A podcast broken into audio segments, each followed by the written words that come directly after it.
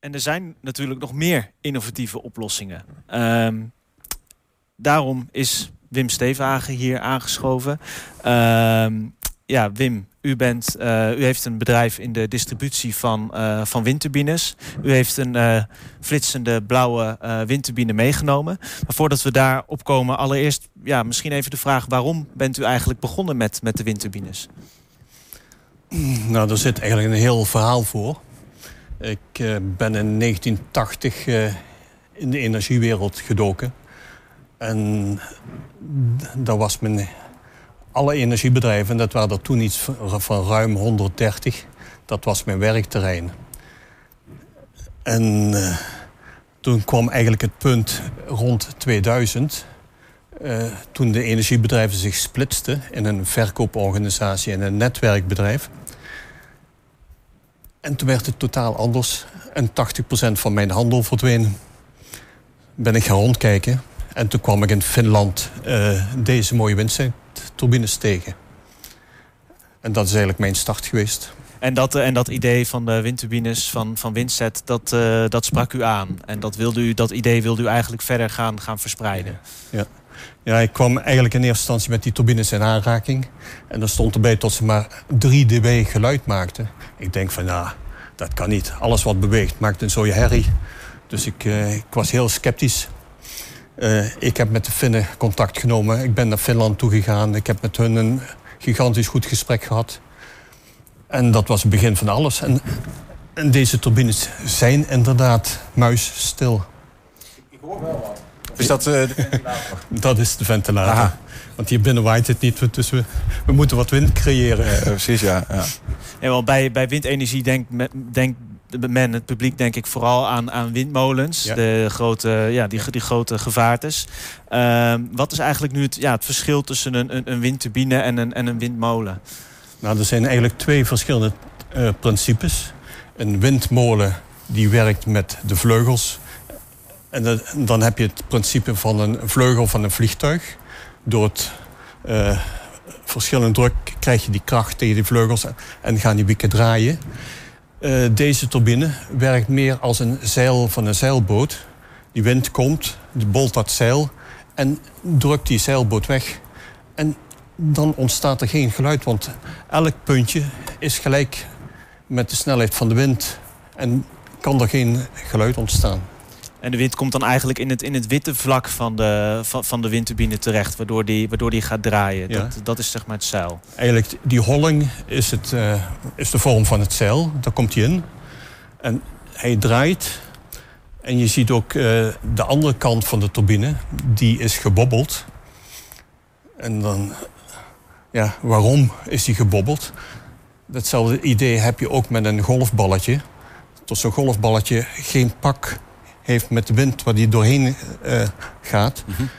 zit die structuur erop. En dat heb je hier ook. Dus aan de buitenkant heeft hij geen grip op de wind. En is zelfs zodanig tot de wind die voorin waait, drukt hem van de achter zelfs tegen de wind in. Oké, dus die, ja, ik dacht eigenlijk die structuur dat, dat zit er meer gewoon voor, voor de vorm. Maar dat heeft dus inderdaad echt, uh, echt ja, praktisch, uh, praktisch nut. Ja, Waarom staat eigenlijk Nederland niet vol met deze dingen? In plaats van, uh, of Duitsland, in plaats van die windmolens met die wieken? nou, dat is eigenlijk ook het punt toen ik met de Finnen in contact kwam. Zij zeiden ook van, bemoei je niet met die huizenmarkt. Want dat is eigenlijk voor ons minder interessant. Wij richten ons helemaal op de offshore-markt. Wat is dat? Offshore, dat is alles op zee, hoog in de bergen, op Antarctica. Uh, Windside heeft zich als doel gesteld om overal ter, uh, op de wereld energie te kunnen leveren, hoe extreem de omgeving ook is.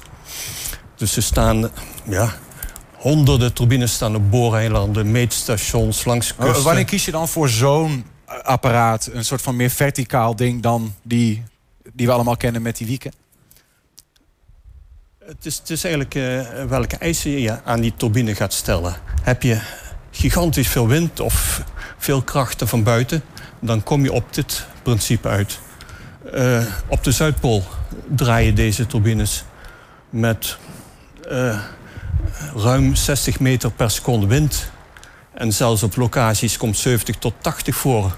Nou, dat, dat Kun je dan uh, je komkommer snijden met dat ding? Gaat hij zo snel nee, of niet? Ab absoluut niet. Deze turbine is veilig, ook als je hem achter op je schip hebt staan. Want je kan je hand erin steken en je, je komt altijd aan de gladde kant buiten oh ja, terecht. Dat is ook zo, ja. En je kan nooit happen. Ja. En daarom is hij ook vogelvriendelijk. Uh, als er booreilanden staan, uh, platforms en uh, meetstations in de oceanen... daar ligt nooit een vogel benaast. en windmolens die tjak, tjak, tjak, tjak... Die doen het op zijn Japans, hè? En, en Windside is dus eigenlijk niet zo uh, geïnteresseerd in de, in, de woning, uh, in, de, in de woningmarkt of de markt van de huizenbezitters, als ik het uh, zo begrijp? E eigenlijk niet. Of eigenlijk. Kijk, als mensen dat graag willen, dan kan dat.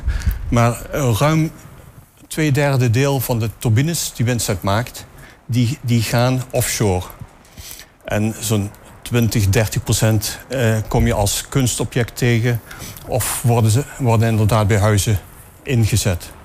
En u, u bent er nu al een, een, een tijd mee bezig. En eigenlijk de, de energietransitie is in de laatste jaren natuurlijk best wel... Ja, uh, ja. dat is best wel meer in, in de aandacht gekomen. En, ja. en merkt u ook uh, met die toegenomen aandacht eigenlijk voor uh, verduurzaming... en de zoektocht naar duurzame energiebronnen... dat er bijvoorbeeld meer aandacht is gekomen voor uw windturbines? Nou kijk, er is inderdaad veel meer aandacht gekomen. Ook vanwege die geluidsstilheid... En dit is eigenlijk de ideale turbine om in de bebouwde omgeving toe te kunnen passen. Uh, ik heb me daar in 2004 gigantisch voor ingezet om hem bekend te maken, om hem toe te passen bij de mensen thuis. En uh, in januari, februari heb ik van Pieter Vergeel, die was toen staatssecretaris van Milieu, heb ik uh, de Nederlandse EEP Award daarvoor gekregen voor de toepassing van deze turbines bij de mensen thuis. Maar staat hij inmiddels ook overal dan? Dat is dan een tijdje geleden. Uh, dat is een tijdje geleden. Maar het verhaal gaat verder. Ja. Ik, ik, dacht van, nou, dat, dat, is het. Maar toen kreeg ik een uitnodiging van, uit Parijs. Uh, ze wilden me graag een prijs hebben. En toen heb ik daar in Parijs heb ik de, de gouden Europese EEP Award ontvangen. Ah, gefeliciteerd. Ja. ja. Maar, wat, maar wat leeft, want ik ben wel benieuwd, want u zegt er wordt uh, vrijwel, uh, hij is toch, ze, u, mikt wat minder op de uh, particuliere, op de huizenbezitters, zeg maar. Dus ja, wat, wat heeft nou die, die, die inwoner van Twekkelenveld, kan die iets hebben aan zo'n zo'n windturbine? Of is het eigenlijk meer voor de mooi? nou, niet voor de mooi. kijk, deze turbines, ze zijn eigenlijk voor het extreme weer uitgelegd. en daardoor zijn ze gigantisch goed. En ook wat duurder. Maar niet zo efficiënt? Jawel, wel efficiënt. Maar zo'n turbine, kijk... Heel robuust en daardoor... Grote windmolens, die, die hebben iets van 15 draaijaren. Die, die zie je ongeveer een 20 jaar staan. Zonnepanelen, die, die draaien ook... Of die draaien niet, maar daar zegt men ook 20 jaar. En deze turbines, die gaan gemakkelijk een mensenleven lang mee. Dus het is niet zo van, ik plaats hem op mijn huis en ik ga hem afschrijven. Ik heb hem binnen zoveel jaar terugverdiend. Uh, deze turbine die plaats je bij je huis. Je investeert één keer en hij gaat even lang mee als je huis. Wat is bezwaar dan? Waarom zou ik hem niet uh, aanschaffen als huizenbezitter? Uh, nou, veel mensen die willen hem binnen vijf of zeven jaar terugverdiend hebben. En dat lukt je met een windturbine niet. Ja, als, we, als we het dan hebben over de, hè, de stel, ik zou um, morgen zo'n zo'n zo'n windturbine willen, willen aanschaffen zelf. Met wat voor bedrag zou ik dan uh, rekening moeten houden? Uh, dan zit dit, deze turbine, deze? deze turbine die gaat, uh, die zit al rond de 5000 euro. Dat is eigenlijk een factor. En hij komt elektrisch overeen met pakweg één zonnepaneel. Aan wat hij oplevert? Wat hij oplevert, ja. Alleen zonnepaneel is natuurlijk anders. Een zonnepaneel levert energie uh, als de zon schijnt. En deze turbine die trekt zich niks van die zon aan. Die levert dag en nacht energie. Maar ook zomer en winter. Maar even kort weg, want u zegt 5000 euro. In hoeveel tijd heb je dan die 5000 euro terugverdiend met zo'n ding? Nou, hij is dan een deel van je woonhuis. En je schrijft hem samen met je woonhuis schrijf je hem af. Wat een meterkast die, die zeg je ook niet van wat er is mijn meterkast terugverdiend na vijf of tien jaar. Nee, hij is gewoon een onderdeel van je woonhuis. En hij doet de hele tijd, pakweg tot je 100 jaar sta, staat zo'n huis daar. Nou, 100 jaar gaat die turbine gemakkelijk mee. Je verkoopt hem gewoon mee met je huis aan de volgende, ja, bewoner. Ja, en hij blijft zijn waarde houden. En hij blijft altijd evenveel energie leveren. Of die nou 10 jaar oud is, 20 jaar of 50 jaar oud. Dus het, de bijdrage tot je energielabel blijft ook constant. U heeft net uh, mij ook buiten beeld even laten zien... dat u de afgelopen tien jaar de meterstanden van uw huis heeft bijgehouden. En u heeft zelf ook uh, een, een wind, windturbines in uw tuin staan, heb ik, uh, heb ik begrepen. Um, merkt u dat het echt een... Uh, wat, wat voor besparing levert het, levert het dan ongeveer op? Kunt u dat ongeveer meten of in, in getallen uitdrukken bijvoorbeeld? Nou, wij, wij zijn dus naar Enschede gekomen. Geïmmigreerd. en ik, heb nog, ik had een windturbine had ik altijd in mijn voortuin staan. Maar op de locatie waar we nu zitten... heb ik in, in mijn voortuin heb ik geen plek. Dus hij staat in de achtertuin redelijk tussen bomen in. Maar hij, hij draait best uh, pittig af en toe. Dus ik, ik wil nog een keertje, en dan ga ik met de gemeente een keer praten... een grote turbine van 2 vierkante meter in mijn voortuin zetten. En die levert dan die energie die ik uh, 's winters extra nodig heb. Ja, ja. Maar even door de bank genomen, zeg maar, hoeveel van deze windturbines heb ik nou nodig om een gemiddeld huishouden compleet zijn stroomvoorziening uh, te doen? Nou, compleet zou ik niemand aanraden.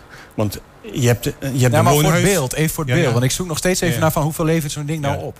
Nou, als je dan een turbine hebt van 2 vierkante meter... Ja. die levert ongeveer een 1500 kilowattuur op jaarbasis. Ik ben los. Zeg me niks, 1500 kilowatt- kilowattuur. Nou, Wat kan ik daarmee? iedereen die krijgt jaarlijks een energierekening... Ja. en die ziet dat hij bijvoorbeeld 3000 of 4000 kilowattuur per jaar verdient. Of eh, verbruikt. Ja. Dus met, met al- 1500 kilowattuur heb je eh, pakweg eh, wat, wat minder dan de helft van je energieverbruik. Doe je de rest met zonnepanelen, nou dan, dan heb je een Dus mooie het, dekking. Het, het vult elkaar aan eigenlijk. Ja, ja. Dat is meer. Ja. Maar je kunt de, ongeveer de helft van je hele stroomvoorziening uit één zo'n windmolentje halen. Nou, niet deze, maar een grotere. Een grotere. Ja, ja. En Hoe groot is die dan? Hoe zegt u? Eh, als die 2 vierkante meter is, dan heb je 1500 kilowattuur. Mhm. Eh, plaats je er twee bij je huis of eentje van vier... dan heb je ruim 3000 kilowattuur op jaarbasis. Wat kost zo'n ding van, van twee vierkante meter? Die zit eh, op een eh, 17.000 euro. Gaat de hele leven mee. Gaat het heel even mee. En we hebben eigenlijk eh, wind, eh, ja, wi- windenergie wordt natuurlijk wel ook, ook meegenomen in de, in de, in de energietransitie, in de, in de klimaatplannen. Maar vindt u dat, hè, want, want voor deze oplossing, die wordt nu eigenlijk in de, hè, de, het wijkenergieplan dan Ja, bijvoorbeeld niet meegenomen of niet genoemd. Ja. Vindt u dat er bijvoorbeeld, hè, vindt u dat er voldoende aandacht is voor, voor dit soort oplossingen? Of denkt u dat daar, ja, dat, Ja. dat, dat er iets over het hoofd gezien wordt, zeg maar? Ja, dat klopt inderdaad. Want, want eh, grote windmolens en windparken of zonneparken... die leveren hun energie aan het transportnet van Tennet. Eh, en Tennet beheert eh, tot nu toe alle, alle netten tot en met de 50 kV. Wat je in de stad hebt, dus in de bebouwde omgeving... dat zijn de distributienetten. Dat zijn de lokale netten. En die, die netten die zijn tegenwoordig veel te krap. Die moeten eigenlijk een factor 5 keer zwaarder worden. Factor 5. Dus als alle mensen hun zonnepanelen gaan plaatsen... en allemaal eh, naar het zuiden gaan richten... dan krijg je om 12 uur, 1 uur krijg je een grote piek in het elektriciteitsnet. En in Arnhem heb je wijken die dan regelmatig uitvallen. En s'avonds om na 18 uur willen ze al die energie terug hebben. Want ze gaan koken, eh, ze- hun auto moet geladen worden, ze gaan verwarmen. Eh, Dus alleen zonnepanelen, dat, dat gaat hem niet worden. eh, nee, want s'avonds na 18 uur, dan wordt de zon minder. Dan leveren de zonnepanelen geen energie. En eh, dadelijk is die hele teruglevering eh, kost je meer geld. Over een paar jaar. Dus dan eh, heb je eigenlijk... ja, je, je zonnepanelen worden duurder. Qua energie. Pak je daar een windturbine bij... die, die dan s'avonds je energie levert... dan kan je dat stukje intern in huis kan je vereffenen. Dus dan is het voordelig om gewoon zonnepanelen te hebben. die zijn ook in eerste instantie goedkoper. En daarnaast je windenergie erbij te pakken. Vooral voor de avonturen en de uh, vier wintermaanden. Inzetten op meerdere paarden. Ja, ja. En ja. ik denk dat we... Ja, we kunnen hier denk ik nog heel lang over doorpraten. Oh, over lang, de, over de inzet Hij heeft overigens al een extra klant, hoorde ik net. Boudewijn uit Twekkelenveld. Die zei, oh, die moet ik hebben. Zo, dat is de uitzending. uh, ik, al, uh, wil niet te veel reclame maken, maar dat werd echt gezegd.